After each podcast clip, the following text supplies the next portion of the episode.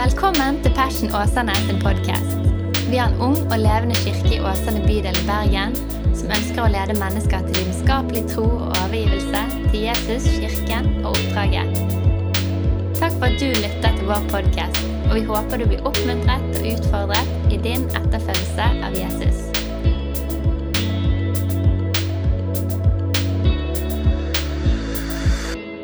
Du, jeg har faktisk gledet meg skikkelig til i dag.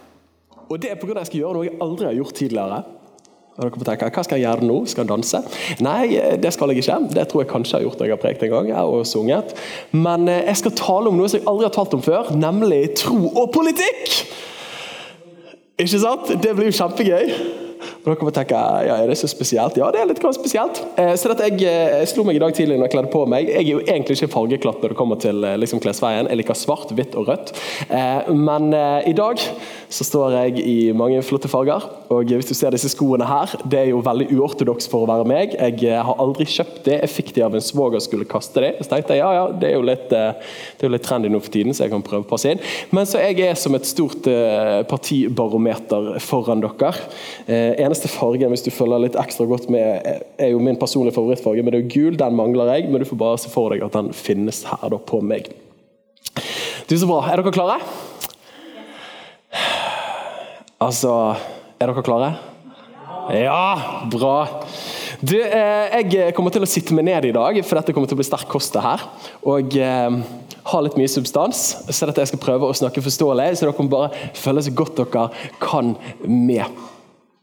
Jeg synes Bakgrunnsbildet her var utrolig fint. Det er jo en Jesus farget i det amerikanske partisystemets farger. Eh, uten at vi skal snakke om amerikansk politikk i dag. Men all right. Du, eh, bakgrunnsteksten som vi skal hoppe ut ifra, er en av de få tekstene, kanskje den teksten, der Jesus eh, eh, på en måte kommer tettest mulig på den politiske øvrigheten. Jesus eh, menger ikke seg veldig mye med Julius Cæsar eller Pontius Pilatus eller Herodes eller de som var politiske øvrigheter i sin tid, men på slutten av livet så kommer han ansikt til ansikt med den politiske makten, nemlig Pontius Pilatus. Var landshøvding og representerte Romerriket i den palestinske eller jødiske Judea-Galilea-området der. Eh, og eh, Det er en fascinerende dialog som vi får lov til å være vitne til. Da gikk Pilatus inn i landshøvdingens borg, kalte Jesus til seg og sa til ham og så Bakgrunnshistorien er jo at eh, jødenes religiøse ledere har lyst til å kverke Jesus, men de har ikke lov til å ta han av dage med sin egen lovgivning, for de hadde ikke lov til å drepe noen, så de overfører han til landshøvdingen. Så står det, Da kalte han Jesus til seg og sa til han, Er du jødenes konge?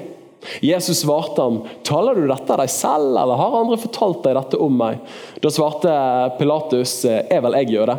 Ditt eget folk og øverstepresten har overgitt deg til meg. Hva har du gjort? Jesus svarte, mitt rike er ikke av denne verden. Hadde mitt rike vært av denne verden, ville mine tjenere ha kjempet ville mine tjenere kjempet, slik at jeg ikke skulle bli overgitt til jødene. Men nå er ikke mitt rike herfra. Jeg bare ser for meg Pilatus bare sånn Hva er det egentlig han snakker om? Da sa Pilatus til ham, 'Er du da ikke konge?' Jesus svarte, 'Du sier med rette at jeg er konge.' 'Til det jeg er født, og til det jeg er kommet inn i verden.' 'At jeg skal vitne for sannheten.' Hver den som er av sannheten, hører min røst. Pilatus sier til ham, 'Hva er sannhet?' Da han hadde sagt dette, gikk han ut igjen til jødene og sier til dem, 'Jeg finner ingen skyld hos ham, men dere har en skikk at jeg skal løslate en for dere i påsken.' 'Vil dere så at jeg skal løslate jødenes konge for dere?' Da ropte de alle igjen og sa, 'Ikke han, men Barabbas.' Men Barabbas var en røver. Fascinerende tekst, eller? Og valgt å kalle de ordene jeg skal dele med oss i dag, for hva ville Jesus stemt? Hva ville Jesus stemt? Og Hvis du har lurt på det, så kommer du til å få svaret i dag. Eh, nei da, eller kanskje. Eh, du, Vi tar og ber en bønn. Jesus, jeg ber om at du hjelper meg. Amen. Amen. Det nærmer jo seg valget, det er jo ikke til å stikke under en stol. Det er jo derfor vi løfter opp dette temaet her nå. Det er vel 13. september. Da er det stortingsvalg. Da avgjøres de neste fire årene hvem som skal være folkevalgte både på tinget, men òg danne regjering etter hvert. Og det er mange som har sagt det at du skal ikke blande tro og politikk. Og så skal det liksom være vanntette skott mellom de to størrelsene. Og da kjenner jeg, når folk sier det, da kjenner jeg, da får jeg ekstra lyst til å snakke om det. Så da trenger vi å snakke om det. Hvis Jesus skal informere og påvirke oss til det positive på alle andre områder, men ikke politikk, det tenker jeg det er en veldig dårlig plan. Og jeg husker også når jeg skulle gifte meg, så pleide folk å si du må liksom ikke, du må ikke liksom blande Gud inn i hvem du skal gifte deg med. og sånne ting. Jeg bare tenkte, herlig, Hvis jeg skal blande han inn i alle mulige andre ting i livet mitt, så er det kanskje avgjørende at han liksom har noe, et ord med i spillet på hvem jeg skal gifte meg med. Eh, og så et, eh, Jeg tenker det er viktig. Så spørsmålet er hva ville Jesus stemt, og hvordan påvirker den kristne troen vårt politiske engasjement? Det er spørsmålet som jeg har lyst til å stille her i dag. Og eh, ja, vi sveiver av gårde. I den teksten som vi leste her, så tror jeg det er tre stikkord som jeg ønsker å trekke fram. Det er for det første Jesus sier han er konge. Han snakker om et rike. Og ethvert rike har borgere. Og eh, Da har jeg lyst til å løfte opp det første ordet, nemlig kongen. Og Det første stikkordet er dette her. De jødiske lederne ønsket å henrette Jesus for gudsbespottelse. Men sånn som jeg sa, så hadde ikke de myndighet, lovlig myndighet til å avrette han. Så det at De må da henvende seg til Pilatus. Og Pilatus sier først til dem i det 18. kapittelet så sier han, dere kan jo ta han og dømme han etter deres egen lov. Men eh, de forstår jo at vi har jo lyst til å knerte han, og vår lov tillater ikke det, så da må vi finne en annen anklage mot Jesus. Så Da tar de også coiner han som en politisk opprører, nemlig en selverklært konge. Og På den måten så måtte Pilatus forholde seg til han. Og Vi leser senere i det 19. kapittelet rett etterpå at, eh, at folket sier til Pilatus hvis du lar denne gå, da er du ikke keiserens venn. Her sitter de Pilatus oppi et hjørne. Hver den som gjør seg selv til konge, taler jo imot keiseren. Og Så forhandler de litt fram og tilbake, så sier Pilatus til dem Se kongen deres! Og Så sier de til han, de sier eh, bort med han, vi har ingen andre konge enn keiseren. Det er jo ganske heftig, det er jo egentlig en fallitterklæring på deres tro. da, For de skulle jo egentlig bare ha Gud som konge. Men det sier litt om det intense hatet de hadde mot han Jesus. da. Så de coiner han som en politisk opprører. Og Pilatus spør Jesus to ganger i vår tekst er du jødenes konge. Er du konge? Og Til dette svarer Jesus at eh, han, hans rike ikke er av denne verden. Og Andre gangen han spør, så sier Jesus du sier med rette at jeg er konge. Til det er jeg født, og til det er jeg kommet inn i verden for at jeg skal vitne for sannheten. Så helt grunnleggende så er rett fram Jesus er konge. Og det er første poenget. Jesus er konge. Og enhver virkelig konge har sitt eget rike. ikke sant? Det å si at du er konge, men du har ikke et rike, da er ikke du veldig konge. Og enhver konge som har sitt rike, har òg borgere i det riket. Hvis det ikke så er det solotripping på kjellerrommet til mor og far. En konge har sitt eget rike og har da sine egne borgere. Og Paulus sier i Filippa-brevet så sier han når han snakker til oss kristne jeg må bare si det sånn at Nå kommer det veldig mye her i dag. Det er derfor jeg sitter, for jeg ser på notatene mine. jeg pleier ikke å gjøre det. Så dette, jeg håper, dere må, dere må bare tenke, Det er forkynnelse. Det er litt forelesning òg. Så I dag er det liksom ikke forkynneren evangelisten, men det er forkynneren læreren. Men, men det klarer vi. sant? Det klarer vi. Bra. Det er jo en del studenter iblant oss, så dere er jo godt skolert til å studere. Forhåpentligvis. Men eh, Paulus sier men vårt borgerskap er i himmel. Og Derfor venter vi òg stadig på Frelseren, Herre Jesus. Hva er det Paulus sier der? Og Det er en rød tråd som går gjennom Det nye testamentet. Nemlig det at vi som er etterfølgere av Jesus, vi har en himmelsk konge, men vi har òg en jordisk konge. Og overført jordisk konge med en øvrig, øvrighet, en jordisk øvrighet. Om det er en statsminister, om det er en president, eller om det er konge, et regjering osv. Så, videre. så vi er både i verden, men vi er ikke av verden. Så Vi lever med en dobbelthet når vi etterfølger av Jesus. Det er kanskje det første stikkordet. Vi har, vi har en dobbelthet. Vi er en del av et himmelsk rike, som Paulus sier. Vi har et annet hjemland. Men vi er òg del av et jordisk rike. Vi alle har statsborgerskap i Norge her inne. Og Vi er en del av det himmelske borgerskapet, men vi er òg en del av det jordiske borgerskapet. Og Dette spennet har ofte gått veldig fint for oss kristne. For det er standarden som er til vår konge, himmelske konge, og det himmelske riket og det himmelske borgerskapet, er ofte høyere enn lovene i landet. Noe som har gjort at den kristne befolkningen som lever som disipler av Jesus, ofte har vært de mest elskede gruppene òg. Fordi at de, sånn som Paulus sier, vi skal underordne oss under de styrende myndighetene, og vi skal legge vind på å leve et stille og fredelig liv. Ofte er den kristne befolkningen høyt verdsatt i et land, fordi vi lever under høyere standarder enn den jordiske lovgivningen i det jordiske riket som vi er en del av. Kan dere med meg? Men så kommer det òg punkt, og det er aldri tvil om hvor er det vår hovedlojalitet ligger. Og jeg, jeg, har jo fått et navn som jeg ikke syntes var det kuleste når jeg vokste opp, nemlig Daniel. Jeg eh, liker jo betydning på navn. Helene betyr jo stråle. Jeg syns jo det passer. Stråle.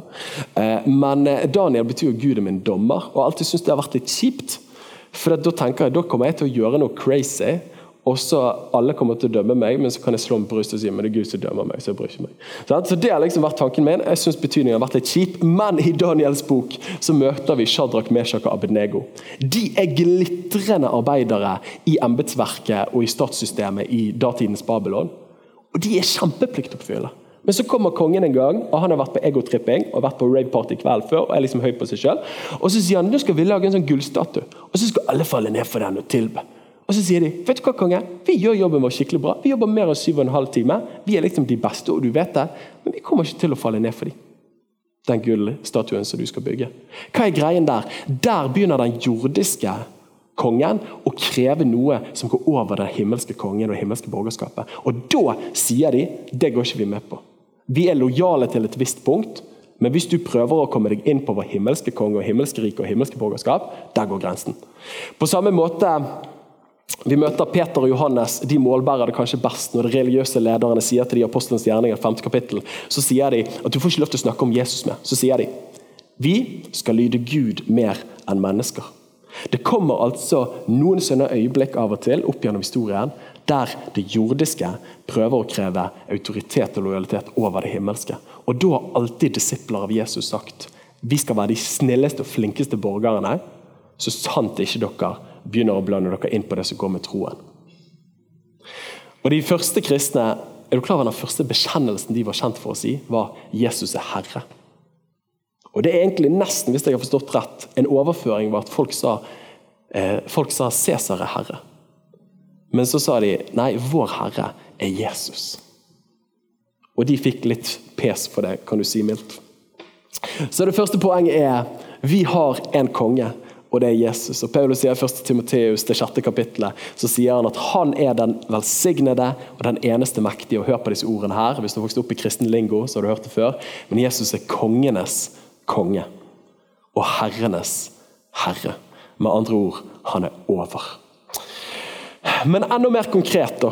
Hva innebærer dette for livene våre i denne verden og vårt politiske engasjement i den?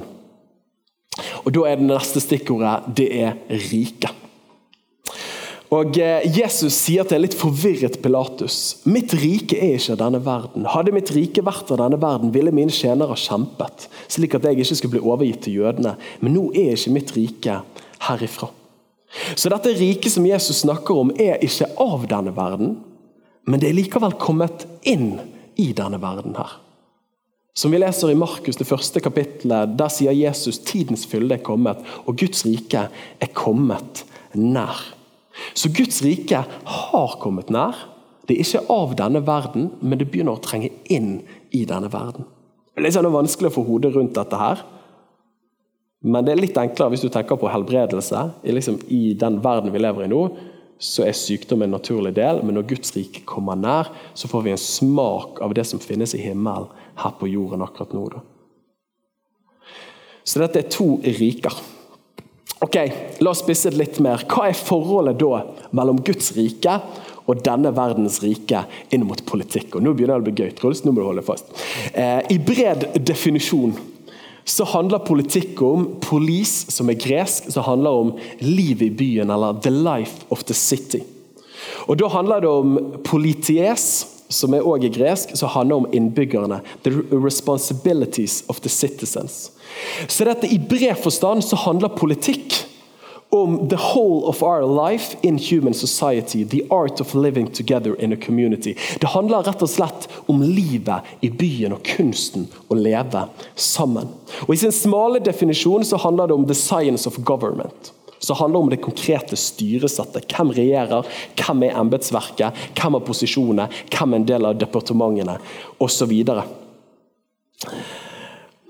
Og I den smale definisjonen så var Jesus ikke politisk orientert.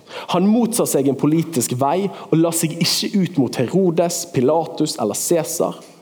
Vi er enige med det, sant? Jesus kom ikke med slogan 'Make uh, the Old Testament God great again'. Det var ikke det han kom og sa. Han sa jo på sett og vis det, men han hadde ikke en politisk kampanje. Men i bred forstand politisk så var Jesus virkelig politisk engasjert. I den forstand at gjennom hans liv, gjerning og undervisning så ville dette her få politiske implikasjoner. Leser du Bergpreken, så vil det påvirke livet i byen. Er dere med meg? Så Jesus begynner å influere bredt i en bred forstand, men han ender opp på slutten av livet sitt og blir holdt ansvarlig for en smal politisk definisjon. At han har lagt seg ut mot øvrigheten. Tok dere den? Og der kommer poenget. At Jesus og apostlene de var ikke politisk engasjert, men Jesu undervisning og gjerning og radikalt annerledes forståelse av makt var nettopp det som gjorde de politiske lederne nervøse. Og Poenget er at Guds rike vil alltid få politiske implikasjoner. For det handler jo tross alt om menneskers liv i byen. Og da kommer vi til det første stikkordet under riket, som er verdier og partier. Guds rike er da ikke av denne verden, men det er i verden. Og Som kristne så er vi ment til å be, lære og leve etter Guds rike verdier. Det tror jeg vi alle er enige om. Til det beste for livet i byen. Men vi bærer ingen illusjoner. Guds rike er over denne verden her. Og ingen menneskelige partier eller programmer eller institusjoner kan noen gang bli synonymt med Guds rike, men de kan være influert i ulik grad av verdiene som finnes i riket. Dere med meg på den? Så det at vi som kristne tror ikke på ideologiske eller menneskeskapte utopier. At vi på egen hånd kan ta oss den flintsteinen og bare holde på lenge nok, så tar det helt fyr, så blir det helt great og amazing. Vi tror at de menneskeprøvde utopiene for å da nevne kanskje de nærmeste, kommunisme og nazisme, er kanskje noen av de fremste eksemplene på hva som skjer når mennesket sjøl prøver å skape himmel på jord. Og Vi tror at en dag så vil Jesus komme tilbake igjen. og Da står det i åpenbaringen at det lød en røst i himmelen som sa denne verdens riker tilhører nå vår Herre og Jesus Kristus, og han skal herskes konge i all evighet. Med andre ord, Guds rike er over det jordiske riket. Ingen partier, institusjoner, og partiprogram kan noen gang favne det fullt og helt. Så selv om mange kristne er veldig glad i fargen gul, så kan man aldri si at det partiprogrammet er synonymt med Guds rike. No way, liksom. For Guds rike er bedre. Hvis vi, gjør, hvis vi begynner å sluntre sånn som det, så begynner vi å gjøre Gud langt mindre god enn det han faktisk er. Så dette, men dette hindrer oss ikke som kristne for å jobbe for mer av Guds rike verdier enn smak av himmel på jord. Tvert imot så er det kallet vi er kalt til. Og inn mot vår politikk og inn mot politikk så er vår forpliktelse da først og fremst på verdier. Og Dette prøver jeg å få fram masse i denne tiden. her. Det er først og fremst på verdier og ikke partier. Det er prinsipper og ikke programmer. Og Vi er fra et høyere rike, så vi må aldri synke så lavt at vi blander kortene. Men når det er sagt, så må vi kjempe for de evige verdiene gjennom midlertidige partiene. For sånn er det bare. Og Hvis vi til og med hadde prøvd å starte et politisk parti som het Guds rike, så hadde det ikke vært Guds rike. Langt derifra. Det hadde bare gjort det hele veldig mye mer forvirrende og trist. Så Jeg liker ikke sånne ekskluderende navn. Det tror ikke jeg er så bra. Og eh, En britisk eh, erkebiskop eh, som het William Temple, som allerede i 1942 tenkte på disse tingene her. Så vi er ikke de første som stilles over disse spørsmålene. Han skrev en bok som het 'Christianity and the Social Order'. Merker du den fine order-lyden der? Han sier dette veldig presist. Han sier «The church is committed to the everlasting gospel». It must never commit itself to an ephemeral program of detailed action. The church is concerned with principles and not policy. Det tror jeg er viktig å ta med oss. Neste jeg har lyst til å løfte opp, er kirke og stat. Kirke og stat. Og Hvis du er litt historisk skolert i Norge, så vet du at vi har hatt en romanse mellom kirken og staten her i ca. 1000 år, som jeg ofte tror har vært med å blande kortene og gjort Kirken mer opptatt av maktkjærlighet istedenfor kjærlighetens makt. Eh, og De kortene der blir sjelden pent når de blir blandet. Og eh, Verdens mest velkjente evangelist i hvert fall i nyere tid, Billy Graham, ble en gang spurt eh, skal ikke du ta stille som presidentkandidat. Og Så sa, sier han disse bemerkelsesverdige ordene. sier han, Why take a step down? Why take a step down? Og Jeg tror at dette fanger noe av nerven i dette her. At Guds rike er høyere enn verdens rike. Kirke, og da stat, må alltid være adskilt. Kirken er da heller ikke synonymt med Guds rike. Det er jeg nødt til å si, for dette er noen som tenker det, men da gjør vi en veldig dårlig jobb på å representere dette fullkomne riket. Men sånn som en annen eh, britisk kirkeleder sa, at kirken er ment å være et tegn og et instrument og en forsmak på dette Guds rike. Så kirken er det fremste instrumentet Gud bruker i verden på å utbre sitt rike. Og Guds rike, da representert primært ved den levende Guds kirke, vil alltid utfordre hør på det her, alle partier og alle programmer alle ideologier og alle institusjoner. William Temple han sier det videre presist i sin bok. Går det fint å lese engelsk på dere? Ja. Da, da, tar jeg ikke en simultan oversetting. Men han sier det sånn som dette her, og det er jo underholdende for å høre min norsk-engelsk uansett. The church is likely to be attacked from both sides if it does its duty. It will be told that it has become political when it in fact it has been careful only to state principles and point to breaches of them. And it will be told by advocates of particular policies that it is futile because it does not support theirs. If the church is faithful to its commission, it will ignore both sets of complaints Altså de som mener de gjør for mye, og de som gjør for lite. And continue as far as it can to influence all citizens and permeate, permeate all parties. Kirken er over og slår i begge retninger. Og John Stott sier det så bra. When the church concludes that biblical faith or righteousness requires it to take a public stand on some issue, Then it must obey God's word and trust him with the consequences. Eksempel det ufødte liv. Det er en kristen plikt, vil jeg påstå, hvis du har et bibelsk verdenssyn, å heve stemmen din og si at fra unnfangelse så er det et menneskeliv som har rett på livet. Og så vil noen si nå er du politisk, Daniel. Nei, nå er jeg bare lojal til verdier som Bibelen løfter opp, og som Guds rike har. Og det er her William Temple sier noen vil si dere har blitt politisk, andre vil si dere ikke er politisk. Ikke bry deg om det, be for det, og så bare fortsett å forkynne Guds ord. Jeg syns dette er bra. Den kjente kristenlederen Timothy Keller han eh, gjorde meg oppmerksom på noe som jeg synes er utrolig treffende. Han sier at faren når vi engasjerer oss politisk som kristne, er at vi senker oss ned, sånn som Billy Graham uttrykker det, fra lojaliteten til Guds rike fra de evige verdier til jordiske partier. Og så bruker han eksempel og sier at Kristne republikanere er veldig opptatt av det ufødte liv, og fatt, eh, ikke fattige, men trosfrihet. Og Det er kjempebra verdier som vi har lyst til å kjempe for, som jeg tror er veldig bibelsk belegg for. Men så sier han men det er jo et problem, da. For de kristne hos demokratene de er veldig opptatt av rasisme skal bort, som er òg en veldig bibelsk verdi. Og at vi skal hjelpe de fattige, som òg er en bibelsk verdi. Men jeg sier Problemet er jo at de kristne i de ulike partiene bare hever stemmen for de bibelske verdiene som er godtatt av partiet sitt. Men de utfordrer ikke eget parti på de verdiene som Guds rike står for, men som ikke helt passer inn. Bam! Da blir jeg engasjert. Men hva gjør man der? Der ender man opp med at man blir mer tro mot partiet enn de evige verdier.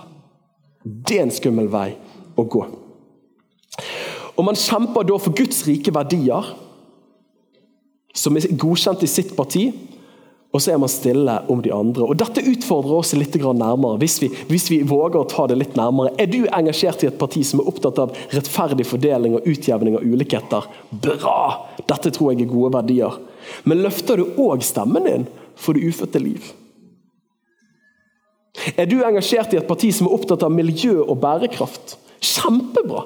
Men løfter du òg stemmen din for den mest bærekraftige institusjonen i samfunnet som vi noen gang kommer til å ha, nemlig mor, far og barn? Og Denne tanken om at kirke og stat aldri må bli ett, har vi fra vår gode venn Luther. Han, han, eh, formulerte dette her i 1523 i sitt pamplett om den verdslige øvrighet. Og Det har et fint ord, men det er toregimentslæren. Og Det kommer du sikkert til å huske til den dagen du dør. Men toregimentslæren. Og Det går ut på at Kirken styrer ved Guds ord og har menneskers frelse og indre forandring som mål. Mens staten styrer ved sverdet og er med å begrense menneskers ondskap ved lover, sånn at kirken kan gjøre jobben med å forandre dem fra innsiden. Det høres veldig fint ut i en ideell verden. Og jeg er helt med Luther der. Og Dette var jo et stikk til pavekirken. For Vatikanstaten der hadde jo du kirke og stat godt giftet sammen. Og Så var det òg et stikk til de ulike fyrstene i Tyskland på den tiden. For de prøvde å kontrollere kirken så var det sånn vi må skille disse to tingene her. Og jeg er jevnt over veldig enig. Jeg tror at Kirken ikke skal være statlig makt, og statlig makt skal aldri være Kirken. Men det betyr ikke at Kirken ikke kommer til å utfordre den statlige makten. Jeg bare tenker Vi har liksom vansker nok med å organisere en liten lokalkirke. Tenk hvis vi skulle styrt hele Åsane og Bergen i tillegg. Verdsligheten. Det er altfor mye arbeid. Så dette, jeg tror det er bra vi deler de to tingene der. Men denne adskillelsen og noen, Her kommer den tanken av og til. Vi må skille tro og politikk. Men jeg vil si at det er en misforstått forståelse. Da underforstått at Kirken ikke skal mene noe. At de kristne ikke skal mene noe om politikk. Og Det verste eksempelet venner, har vi fra andre verdenskrig. Der har vi nazipartiet som begynner å vokse fram fra 1933. og Siden det er Luther sin vugge, så hadde de tatt toregimentslæren veldig til hjertet. Men du har misforstått den. Og De hadde utviklet et ord som het eigengesetzlichkeit, som du må ha fem år med tysk for å kunne uttale. Eh, men det betyr helt enkelt egenlovmessighet. Og da var faktisk skottene så tette at kirken i veldig liten grad utfordret det reisende naziregimet. Fordi at man hadde en misforstått oppfatning at øvrigheten skal holde på med sitt, og kirken skal få holde på med sitt. Det ble jo en tragedie. Og så har du folk som Didrich Bahnhofer, som skiller seg ut i den beskjærende kirke da, i Tyskland etter hvert. Som sier at det dere holder på med, det er ikke bra. Og jeg har ikke lyst på president, jeg har ikke lyst på keiserplassen din, men jeg er forpliktet på noen evige verdier, og de utfordrer partiet ditt akkurat nå. Og jeg skal ikke være stille om det. Og da er dere med meg der. Så selv om vi er kristne, vi har ikke lyst til å bli statsminister alle sammen, takk og pris, men jeg kommer fortsatt til å mene noe hvis statsministeren gjør noe som ikke er bra. Og det er viktig. Vi skal være folk som hever stemmen vår. Ok, jeg eh, skal speede opp her. Men John Stott sier da vi har tre ulike tilnærminger til politisk makt i samfunnet som kristne. Vi kan enten prøve oss på første punktet tvang at vi prøver å merge kirke og stat igjen, sånn at vi persnåsene, eller overført betydning vi kristne, får full makt over alle institusjonene. Og så kan vi tvinge folk til å leve kristent. Dårlig plan. Dårlig plan. Eh, det tenker jeg Da har du liksom Vatikanstaten. Og nå i dag er det noe litt annet enn det det var. Men så har du den laissez-faire-tilnærmingen, som helt enkelt på, eh, på, fransk handler om 'la det være, la det skure'. La oss ikke bry oss. Vi holder på med vår ting. Vi tar ned disse par scenene her. Vi har flagg på scenen, og så synger vi til Jesus, og så kan det bare gå under der ute. Det er en veldig liten bibelsk tilnærming òg, og det er liksom en toregimentslære som strukker altfor langt. Men så er det tredje punktet som John Stott hever stemmen for, det er overbevisning. Og sånn som Jesus sa, vi skal vitne om sannheten. Det vi kalt til. og Det ordet 'sannhet' betyr virkelighet faktisk på gresk. Vi skal vitne om det som er virkelig. Som er de evige verdier. Ved å appellere og konfrontere både til mennesker og øvrigheter ved kjærlighetens makt. Denne dobbeltheten av å formidle både Guds nåde, men også Guds sannhet, lov og evangelium, sannheten, tro og kjærlighet, er det vi som kristne er kalt til. Og Da kan man stille spørsmålet men hva betyr dette da for meg personlig inn mot mitt politiske engasjement? Og Da tror jeg at et stikkord som vi trenger å løfte opp her, er ulike grupper, ulike kall. For Du kan av og til komme på kristne møter eller snakke med noen som begynner å snakke om kristen tro og politikk, så bare får du følelsen av at de prøver å presse meg inn i en trakt. At jeg, mitt engasjement må se ut sånn som dette, eller være slik og slik. Men her har jeg lyst til å heve stemme for at jeg tror ulike grupper har ulike kall når det kommer til samfunnsengasjement. Første gruppen, Kirken, som jeg allerede har snakket om, og kommet tydelig fram, må aldri bli ett med verdens styresmakter, siden lojaliteten er til Guds rike. Men disse verdiene vil få politiske implikasjoner. Ok, Andre gruppe den vanlige kristne enkeltpersoner. Jeg tror at enhver kristen borger som er en som vil leve et stille og fredelig liv, underordnet under myndighetene så langt det lar seg gjøre, som Bibelen snakker om, bør være politisk engasjert. I den forstand, hør meg her, i den forstand at man utfører sin demokratiske plikt ved å stemme ved valg det er tross alt på den måten vi opprettholder et demokrati og et godt levesett i et land. Være samtidsorientert, få med seg litt hva som skjer, skrive til aviser hvis man fortsatt gjør slikt. Alle kristne er da kalt til både diakonia, tjeneste, men òg martyria, som betyr å vitne for sannheten. Så vi alle kristne, om ikke du er medlem i et politisk parti, og det er ikke min oppfordring, langt derifra, du kan spare litt penger på det, eh, men det kan være bra for noen, men vi er uansett kalt til å tjene vår verden, og vi er kalt til å vitne for sannheten. Vi er jo tross alt opptatt av livet i byen. Politisk definisjon i bred forstand. Det bør vi være som etterfølgere av Jesus. Men så har vi den andre gruppen, som er kristne, som er kalt til politikk. Og Her tror jeg det er viktig at de enkeltmenneskene som er kalt et politisk engasjement, da i smal definisjon, som handler om politiske strukturen og styresettet, disse trenger å bli heiet fram av Kirken. Idet de er med å spre både Guds rike salt til bevaring og lys til klarhet i de offentlige institusjoner til det beste for livet i byen. Og når jeg forberedte meg her, så kom jeg over et begrep som heter The Clapham Sect. Jeg vet ikke om dere har hørt om det? Sekt er jo aldri et positivt ladet ord, i hvert fall på norsk. Eh, men det var en gruppe evangelikale anglikanere i den engelske kirke. Fra 1780-årene fram til 1840-årene. Og Det var kristne personer som arbeidet for en reformering av det britiske samfunnet. På hvilke områder arbeidet de? Jo, De delte felles politiske og sosiale synspunkter som frigjøring av slaver Avskaffelsen av slavehandel. Dere har hørt om William Wilberforce. Han var en sentral person i denne gruppen. her. De jobbet for å reformere straffesystemet, fengselssystemet, at de skulle få verdighet, de som var fengslet. Blant andre saker. Og de var motivert ut ifra deres kristne tro og deres omtanke for sosial rettferdighet for alle. Er ikke det fantastisk? Vi trenger de menneskene som virkelig går inn i institusjonene og med å jobbe for Guds rikes verdier i det statlige. Og eh, disse Clapham-sekten Eller så synes sekt er litt sånn trist ord. Men helt enkelt. De jobbet ikke bare for social service, men òg for social action. Jeg tror alle kristne er kalt til sosial tjeneste, som jeg sa, diakonia. Men jeg tror òg noen kristne enkeltpersoner og grupper er kalt til å gå inn politisk og engasjere seg for sosial handling i landet og i verden. For eksempel Sosial tjeneste handler om at man letter menneskelige behov. Men sosial handling handler om at man fjerner behovet det eller ikke fjerner årsaken til behovet som mennesker har. Poenget er da at det er bra å gi mat til de sultne, men det er jo enda bedre å fjerne grunnen til sult. Hvis mange dør i et veikryss, så trenger ikke vi først og fremst flere ambulanser, men vi trenger trafikklys. Det er ikke enten-eller, men det er begge deler. Vi trenger da virkelig de som er kalt og kompetente og engasjerer seg politisk i smal forstand, sånn at de kan være med og virkelig forandre et land til det bedre. Og da, Hva betyr dette for meg personlig, før jeg skal avgi min stemme i valg? Og Dette er jo et spennende spørsmål.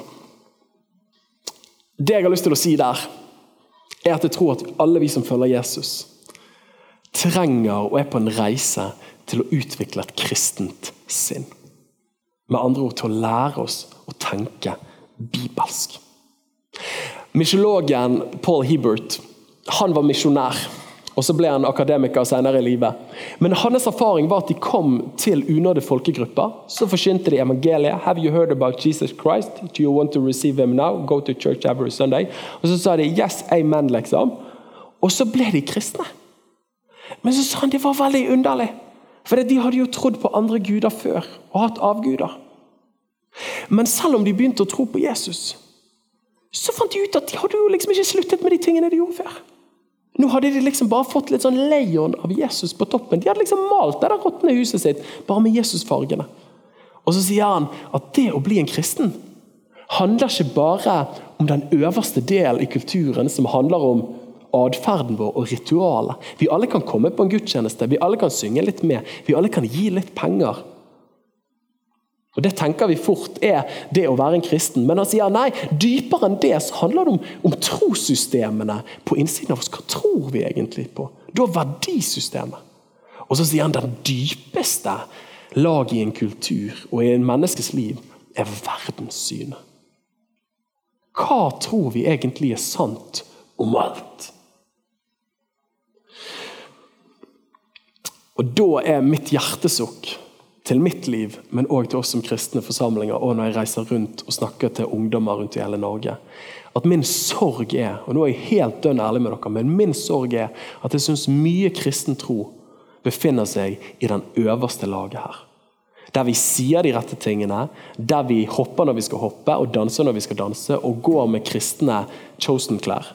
Og det ser veldig fint ut. Og det er ikke dumt, det er bra.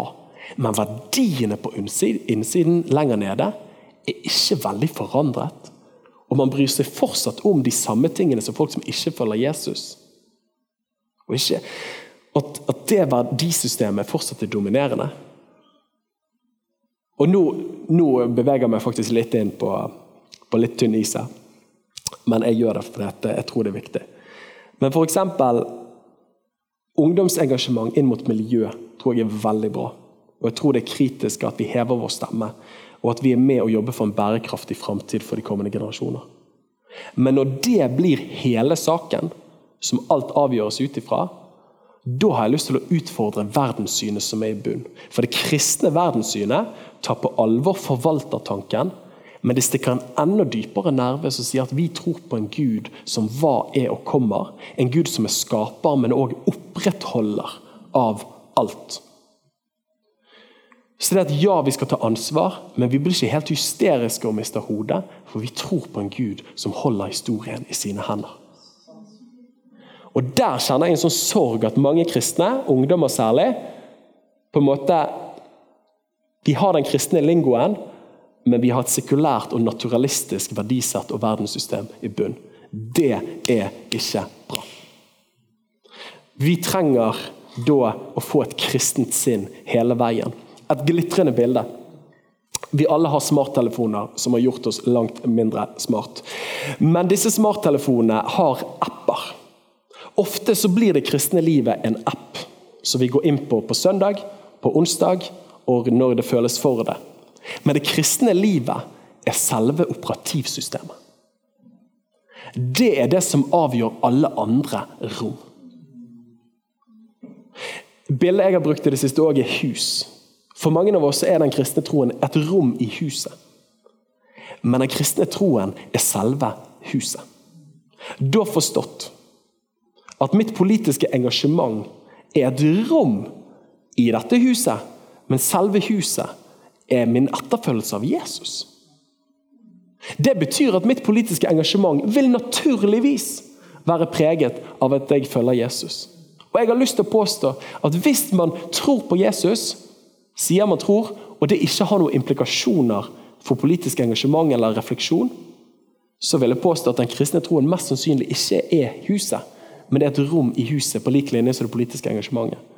Er Jesus herre, som de sier på engelsk Either is Jesus Lord of all, or he isn't Lord at all. Er Jesus herre? Nå var jeg litt streng her, men det føltes godt.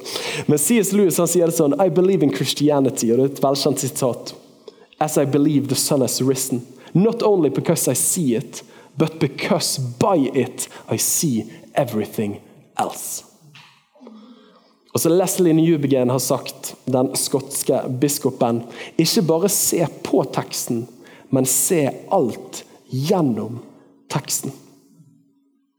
Vi er da kalt til å utvikle et kristent sinn som preger alt vi tenker på, og alt vi gjør. Er ikke dette oppmuntrende? Og Dette utfordrer oss alle på alle områder av livet. Hvordan behandler jeg min ektefelle? Hvordan behandler jeg mine barn? Hvordan lever jeg når ingen ser meg? Det å følge Jesus er fulltime, altså. Til og med når du sover.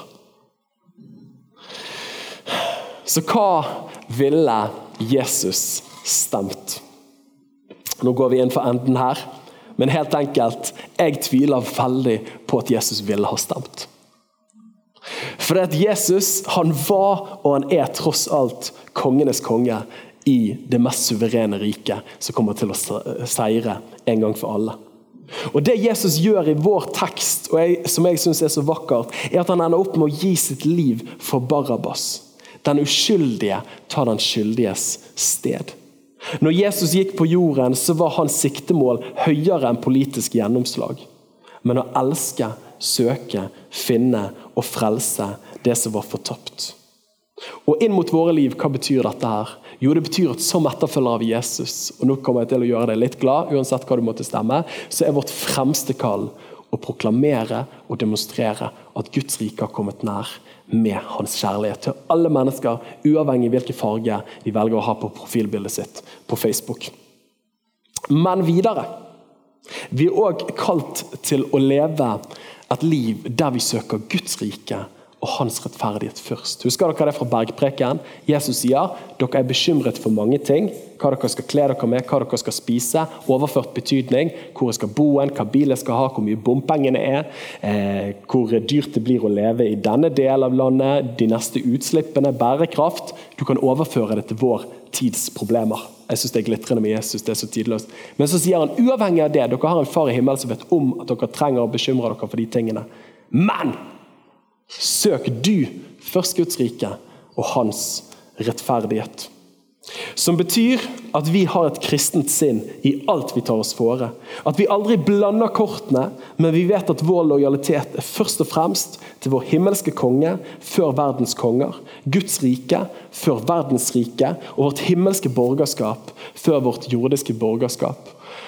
Og valgte å formulere det sånn som dette her, at den kristne er først en borger i Guds rike med Jesus som konge. Dette er vår grunnleggende identitet, som må påvirke vår politiske aktivitet. Og en liten endenotat her personlig. Og For min del, og jeg tror også det er et godt råd for alle kristne, så vil jeg aldri bli gift med et politisk parti. Men min lojalitet er til Guds rike og dets verdier. Og Så lenge vi er her på jorden, så må vi benytte oss av disse ufullkomne og midlertidige partiene som bare er redskaper. Det er ikke mer enn det. Øvelsen mener jeg da blir da først å kjenne Guds rikes verdier, lære seg å tenke kristent.